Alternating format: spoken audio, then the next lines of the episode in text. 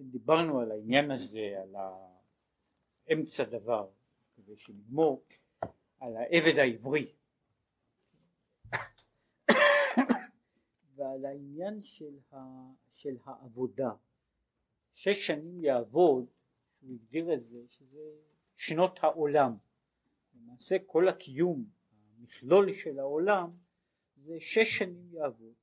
שש שנים של, שש שנים, ששת אלפים שנים של עבודה, ואחר כך הוא יכול, הוא יכול לצאת, לצאת לחופשי. מפני שהזמן הזה הוא הזמן של היום לעשותם. וזהו, הוא דיבר, מה שראינו, את, את העניין הזה של מהצד של מעבר הנהר, בעבר הנהר ישבו אבותיכם, כן? וזה השורש והאפשרות שלנו להגיע למעלות אחרות ולהגיע לדרגות אחרות הוא מפני שהשורש נמצא בקצה האחר של המציאות, בעבר הנהר, בקצה השני של ההוויה, ומכוח זה אנחנו יכולים גם להגיע אל החלק, אל החלק של, ה, של המציאות ולעשות את סדר העבודה, לעשות את העבודה ומה שצריך לעבוד, לעשות אותו כדבעי למהר. בתוך העניין הזה דיברנו על העניין הזה של יעבוד, של העובד, עובד אלוקים. וזהו, עכשיו הוא נוגע לעניין הזה, שזה הקטע האחרון פה, פירוש ועניין יעבוד. אך פירוש ועניין יעבוד, שש שנים יעבוד, מה יהיה, מה שהוא קורא לזה, מה העניין הזה של העבודה, להיות עובד אלוקים. והוא הסביר הרי בקטע הקודם שיש הבדל בין עובד אלוקים לאשר לא עבדו. וההגדרה היא לא בין זה ששומר את המצוות או לא שומר את המצוות בין צדיק לרשע. זוהי חלוקה אחרת החלוקה של צדיק לרשע. יש חלוקה שונה של עובד אלוקים ואשר לא עבדו. הוא מגדיר זה עובד אלוקים הוא האיש הזה שעובד עבודה מתמדת. פירוש ועניין יעבוד הוא אותו לשון שיש ביעבוד בעיבוד אורות שמאבדים משהו, כן, יעבוד הוא העניין של העיבוד. שעל ידי העיבוד משתנים הרבה למעליותה. העבודה היא כמו, היא התמצית של העבודה, שקורא לזה של של עבודת האדם ושל עבודת השם היא התהליך של העיבוד והתהליך של העיבוד הוא העברה של דבר מדרגה נמוכה לדרגה גבוהה יותר של שכלול אני משכלל את הכלי אני משכלל את הדבר וזהו העניין של העבודה כך בעניין לבושים הנ"ל שדיברנו שהמצוות המצוות של כל יום הם לבוש הנפש של, ה, של היום. בעניין לבושים צריך להיות עיבוד, שצריך לנקותן מכל פסולת הנופל בהם, ולרחוץ ולכבס אותם. מה צריך, זה מה שאומר שצריך לנקות את הלבושים, צריכים לאבד את, את הבגדים האלה שאנחנו מקבלים צריך גם לנקות אותם, צריך לאבד אותם. וכמשל הלבוש הגשמי, שרוחצים ומכבסים אותו במים טהורים, אזי יהיה צח ונקי. מה שאין כנים לא יכבסו אותם, לא יהיו נקיים ויפים. יש, הבגדים הם בגדים. אני יכול להיות שיהיו לי בגדים נקיים או בגדים מלוכלכים. אני יכול שיהיו לי בגדים, בגדים שראוי ללבוש אותם, וגם בגדים שלא ראוי ללבוש אותם, אבל זה, זה תלוי לא כל כך, זה לא תלוי בבגד, אלא עכשיו מה אני עושה עם הבגד. קיבלתי בגדים, מה אני עושה עם הבגדים זה כבר שאלה אחרת. ומה שהוא אומר כאן, זה מה שהוא אומר, וזהו ההפרש בין עובד אלוקים לאשר לא עבדו. התמצית של עובד אלוקים הוא אמר ככה הרי הוא אומר ככה, זה שלא עבדו, אנחנו מגדירים אותו בתור בן אדם שהוא לא עובר שום עבירה ועושה את כל המצוות. ובכל זאת אנחנו קוראים לו בן אדם שלא עבד את השם. הוא לא, הוא לא עבד את השם. מה זאת אומרת הוא לא עבד את השם? לא עבד את השם כוונתו ועניינו פה שהוא הוא קיבל את הלבוש, הלבוש של התורה, הלבוש של המצוות, הוא נשאר עם הלבוש הזה. הוא נשאר עם הלבוש הזה. יש לבוש של תורה, לבוש של מצווה, והוא לובש את הלבוש. הגיע היום, אז הוא לובש את הלבוש. והוא יכול להיות אדם הגון ואדם כשר ואדם שעושה את כל מה שצריך לעשות. אבל אפשר להגיד שהוא לא עבד את השם. מדוע הוא לא ניקה את הלבוש?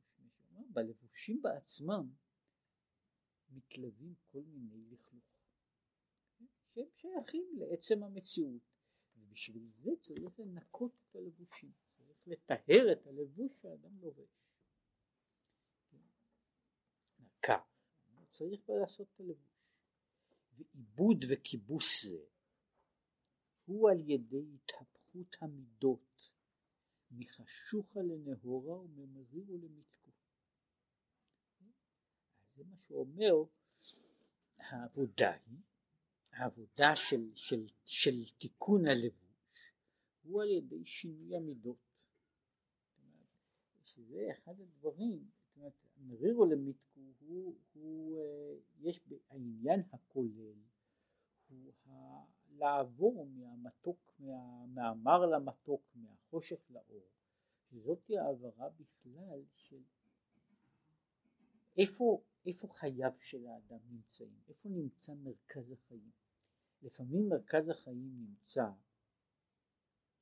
והוא אכן אומר האיש אשר לא עבדו, מרכז החיים שלו הוא בעצם בעולם הזה, אבל הוא איש שהוא עושה את כל המצוות כמו שצריך לעשות, הוא עושה את הכל, הוא מקיים את הכל, והוא עדיין בגדר הזה שהוא עושה את ה... הוא עושה ממלא את כל ההתחייבויות שלו.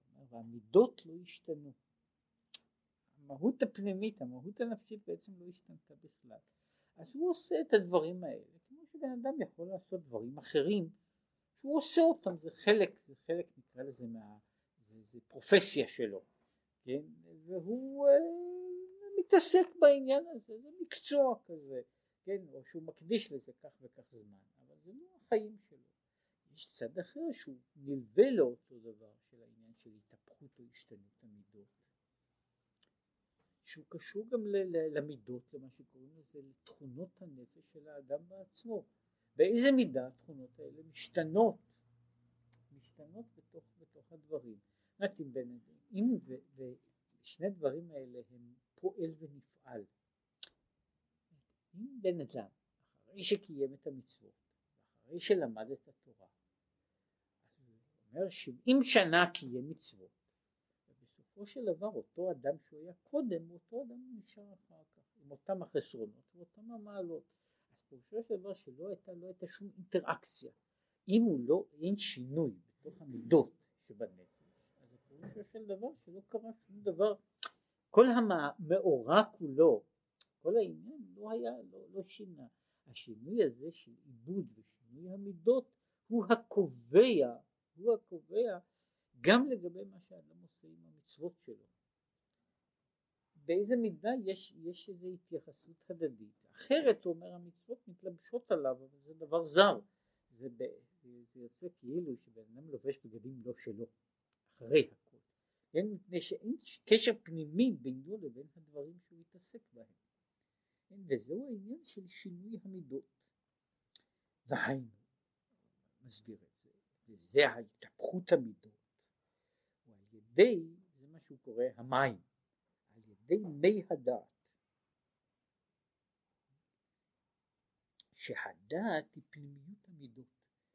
את השינוי של המידות נעשה על ידי, על ידי הדעת. כמו שהסברנו כמה פעמים, מהו העניין של הדעת? הדעת לא קשור למושג של ידיעה, במובן הזה שלמדתי כך וכך פרקים באיזשהו דבר. הדעת הוא אותו חלק של החשיבה שיוצא מהתחום של הידיעה האינטלקטואלית לעניין הזה של החלטה שבנפש. יש, יש, אה, יש אה, דבר שהוא, פעם כתבתי את זה, יש הבדל בין הוא מתפלל ואני מתפלל, כן? וההבדל הוא לא הבדל רק בשינוי, בשינוי שם הגוף, כן? אלא זה הבדל באופן של גישה, אחד הוא נקרא לזה מנוכר, הוא אובייקטיבי, כן? השני הוא אמוציונלי. עכשיו, שני, בשני הדברים באותו אופן יש, יש דבר כזה, זה שינוי שבדעת, זה שינוי שבתפיסה של קונספציה בסיסית, שהוא לא קשור למידת הידיעות שלי, אלא קשור באופן שבו אני מחליט ובו אני מייחס את הדברים שלי, שאני מבין לאיזושהי מציאות של החלטה. וההבדל הזה, אם אני יכול או לא יכול לייחס דברים, אז זה, זה הנקודה של דעת. כן? עכשיו יכול להיות בן אדם, למשל, שיהיה חכם ונבון ואין בו דעת. ולכן בין מה שהוא מבין לבין איך שהוא מתנהג אין שום קורלציה. כן, כל העניין הזה של הדעת זה אותו חלק שבחשיבה ש, שממילא יש לו הנחיות לגבי, לגבי האופן שבו אני, שבו אני מרגיש, שבו אני חווה דברים, שבו מה אני אוהב ומה אני שונא, שיש, הבעיה הזו עוברת שוב מהמישור האינטלקטואלי האובייקטיבי אל המישור של, הייתי אומר לזה, הידיעה במובן של הרגשה, הרגשה אישית. תיארתי את העניין כמה פעמים, אם אני מתאר אותו, יש הבדל בין, בין מצב כזה שאני יודע באופן אובייקטיבי שבעיה מסוימת דבר, זה דבר מסוכן, כן? לבין המצב הזה שאני מרגיש פחד, לא רק פחד באופן אמוציונלי, אלא שאני מרגיש את הסכנה שעומדת לפניי. וכל בן אדם יודע, אם שעבר את החוויה הזו, יודע בדיוק את ההבדל בין מה שקוראים לזה, שאני יודע שיש באופן תיאורטי, אני יודע על בעיה מסוימת, לבין המקום הזה שהבעיה הזו מגיעה אליי. אז מה קורה? כל ההתעוררות האמוציונלית עוברת בשלב הזה שבו לרגע מסוים אני נוכח שכל הזמן לא דיברו על מישהו אחר אלא דיברו אליי. ברגע שאני נוכח לדעת שמדברים אליי זה נעשה לגמרי משהו אחר. עכשיו זוהי הנקודה הזו היא הנקודה שקוראים לזה נקודת הדעת. נקודת הדעת היא הנקודה הזו שבה האינטלקט מפסיק להיות אובייקטיבי ומנוכר והוא הופך להיות אה, אה, דבר ש, שיש ממנו מסקנות, מסקנות ממשיות, יכולות להיות לו מסקנות אופרטיביות. עכשיו זה תלוי על כל דבר, כמה, מה אני יודע על, על הדבר הזה, והרגע אה, הרגע שבו הדברים עוברים משלב אחד לשלב השני הוא חלק משמעותי, הוא קובע בעצם את החיים של האדם בפועל, אם דברים עברו מהשלב של החוכמה ובינה אל השלב של הדעת. זו ההגדרה של דעת. ש... ולכן הוא אומר שהדעת היא פנימיות המידות. כל האמוציות של אהבה ושל שנאה וכל כל אמוציה ממין אחר, כל האמוציות כולן הן נגזרות, הפנימיות שלהן היא העניין הזה של הדעת, של הסיכום שבנפש שיש בעניין הזה, שאומנם סיכום אינטלקטואלי, אבל סיכום אינטלקטואלי ברקע הזה שיש לדברים האלו, יש להם איזשהו אופן השלכה, השלכה מעשית, ואז נוצרת, יכולה להיווצר אמוציה, אחרת לא יכולה להיווצר שום אמוציה, המידות לא פועלות או לא משתנות.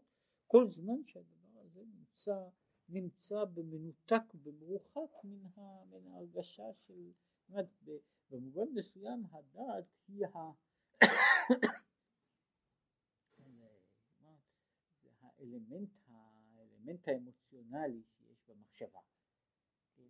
זה החלק, אותו חלק במחשבה שיוצר, שיוצר את ההרגשה הזו, אז אני בעד, אני נגד. זאת אומרת, הוא יוצר את ההרגשה הזו, וככל שזה יותר עמוק, יש הרגשה יותר, יותר עמוקה ב, בת, בתוך, ב, ב, בתוך הדברים. שאני אומר, הרבה פעמים בן אדם יכול לראות את זה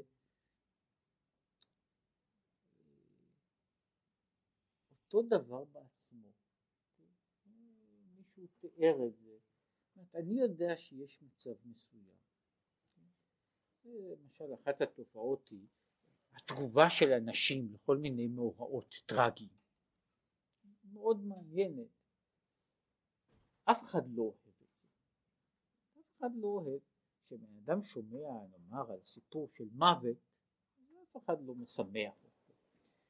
עכשיו יש ברור שיש מקום מסוים מתי זה, זו ידיעה אובייקטיבית ומתי זה נעשה דבר ש, ש, שהוא שייך אליי.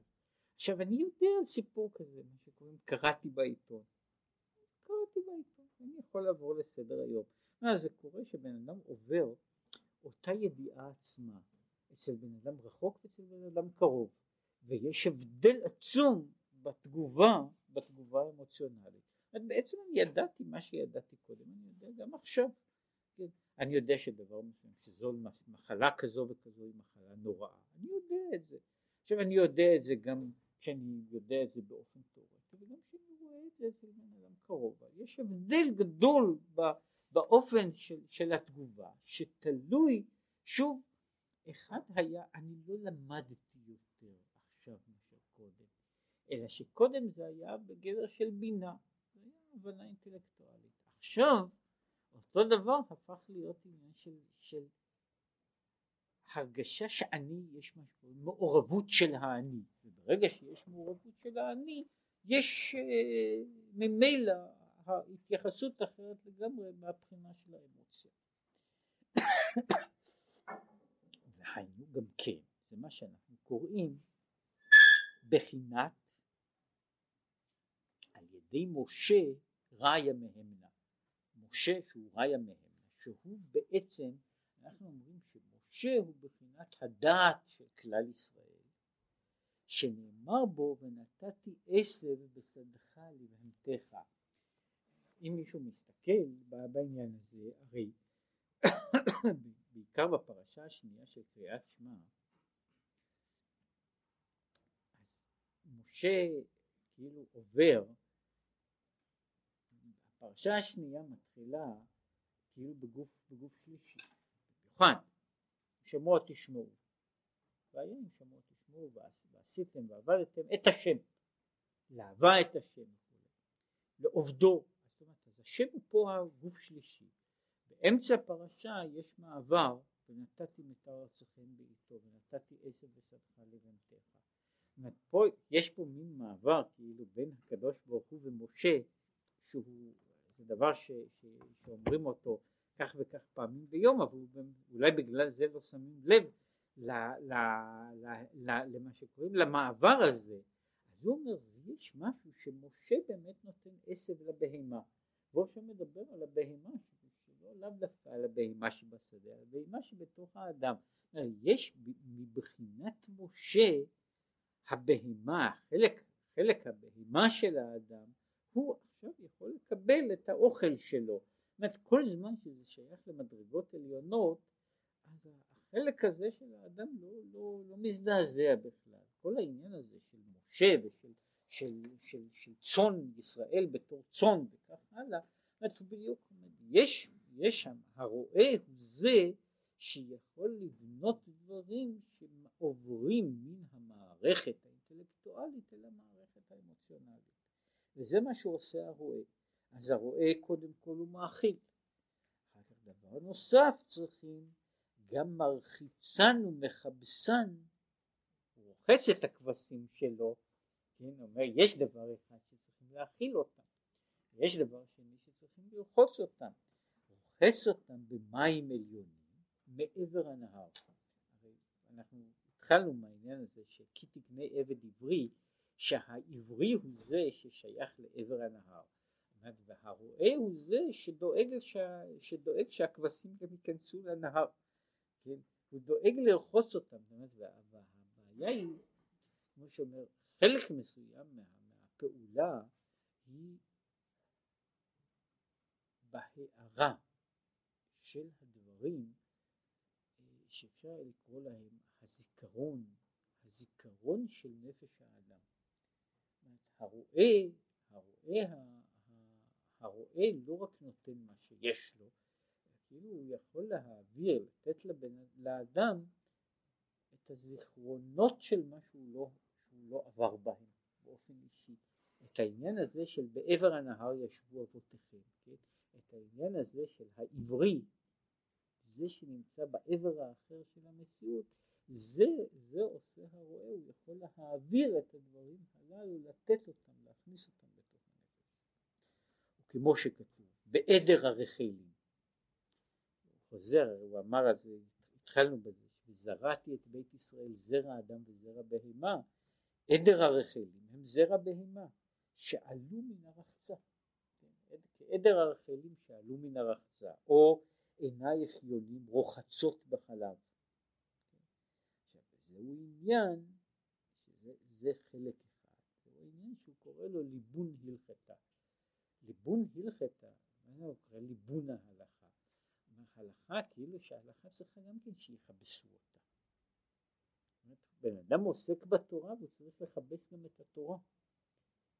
גם את הלבוש הזה צריכים לכבס אותו.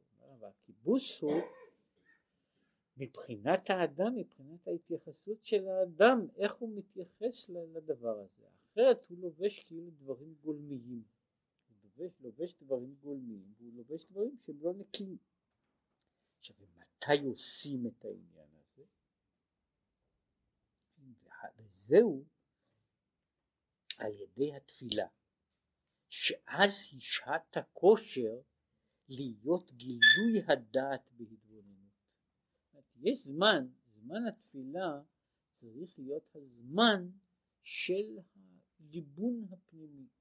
הזמן הזה שבו בן אדם עובר, כמו שהוא אומר, אל מעבר הנהר. הזמן שעוברים אל מעבר הנהר הוא הזמן של התפילה, שזוהי שעת הכושר בכל הצדדים, שההגדרה של, של, של התפילה, שיש זמן תפילה, יש מהות של תפילה, יש כאילו חלק כזה שהתפקיד שלו בעצם לעסוק ב, ב, בהתלבנות, בהתבררות החלק הזה של האדם. וזהו שאז הוא שעת הכושר להיות גילוי הדעת בהתבוננות. כמו שאנו אומרים בשמונה עשרה, אתה חונן לאדם דעת. הבקשה הראשונה שלנו בשמונה עשרה אחרי שמדברים בשבחו של הקדוש ברוך הוא, מהי הבקשה הראשונה? אתה חונן לאדם דעת. זה שאומר שלפני כל הדברים אני צריך את, את ברכת, את העניין הזה של הדעת. וכל התפקיד של התפילה הוא להכשיר את הדעת, אחר כך לטפל בכל מה שהאדם עושה בכל השאר. ועל ידי זה נזדככו הלבושים. ולכן נקראת התפילה עולת תמיד. כמו התפילה היא סוג של קורבן, היא עבודת השם והיא נקראת עולת תמיד גם במשמעות הזו שהיא עולה שלא שייכת גם כשנחרב בית המקדש העולה הזו עדיין מוקרבת זוהי עולת תמיד. מה זה עולת תמיד? שהתורה והמצוות של כל היום עולים לשם על ידי התפילה. בתפילה צריך בן אדם לרחוץ לא את העבירות שהוא עשה, כן?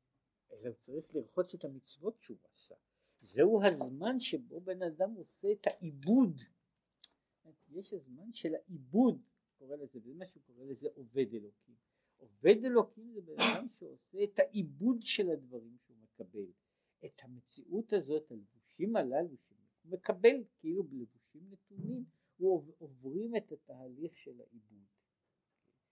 הם העולים להשם על ידי התפילה. לפי התפילה, בתפילה הם מתאבדים ומתקנים. זה מה שהוא אומר. וכל זה הוא בשיטה אלפי שני דהה ועלמא. כל העניין הזה של העיבוד והעבודה קשור לשנות העולם, למציאות ולקיום של העולם שלנו. עכשיו מעבר לזה, וזה הוא אומר, שש שנים יעבוד.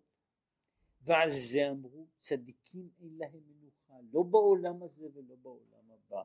מה שנאמר ילכו מחיל אל חיל. אומרת הצדיק אין לו מנוחה בשום מקום. מדוע?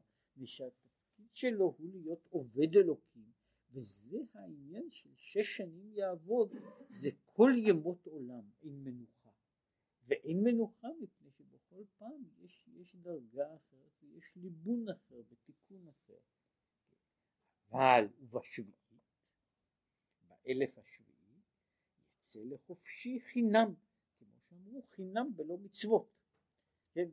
אז יש עניין של, ה, של החינם, האלף השביעי, אחרי כלות הזמן, אחרי כלות הזמן, אחרי כלות מציאות העולם, אז העולם בכלל משנה את כל המהות שלו, ואז הוא עולם ממין אחר, שאז יהיה מנוחה לחיי העולמים, שאין עוד עלייה למעלה ממנה.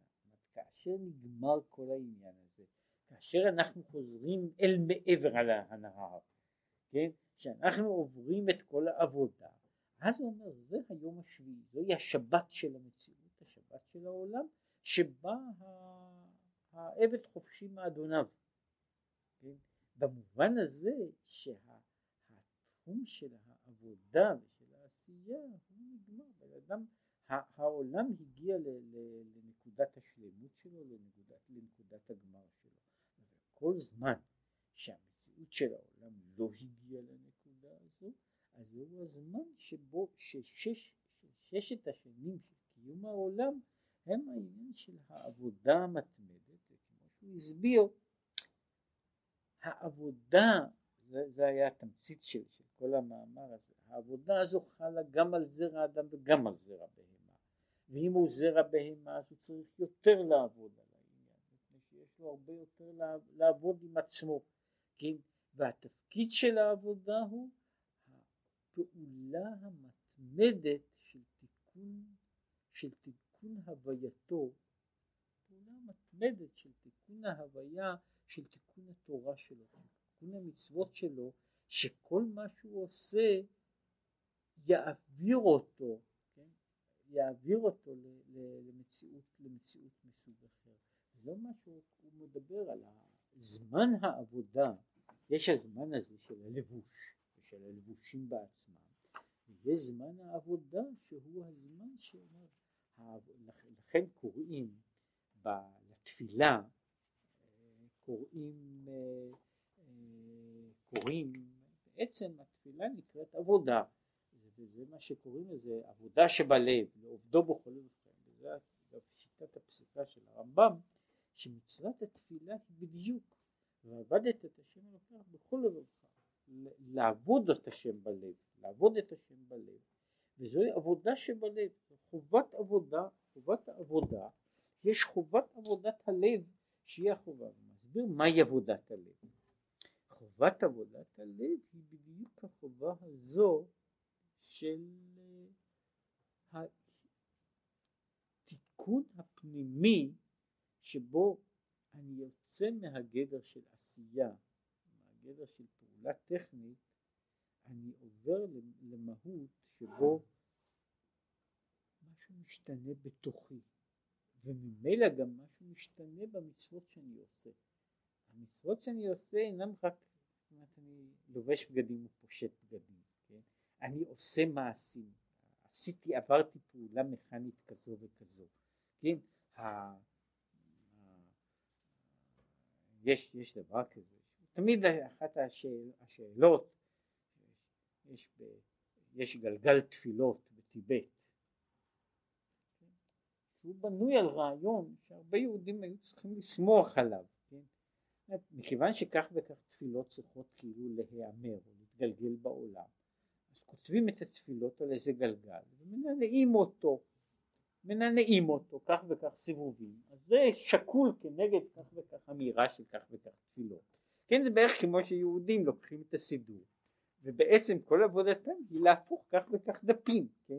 אז עכשיו מה שעשו עכשיו בטיבט, קודם כל, כבר בדורות ראשונים, אז עשו, יש גלגלים כאלה שהולכים עם, עם uh, שבנויים על uh, כמו תחנת רוח, כן?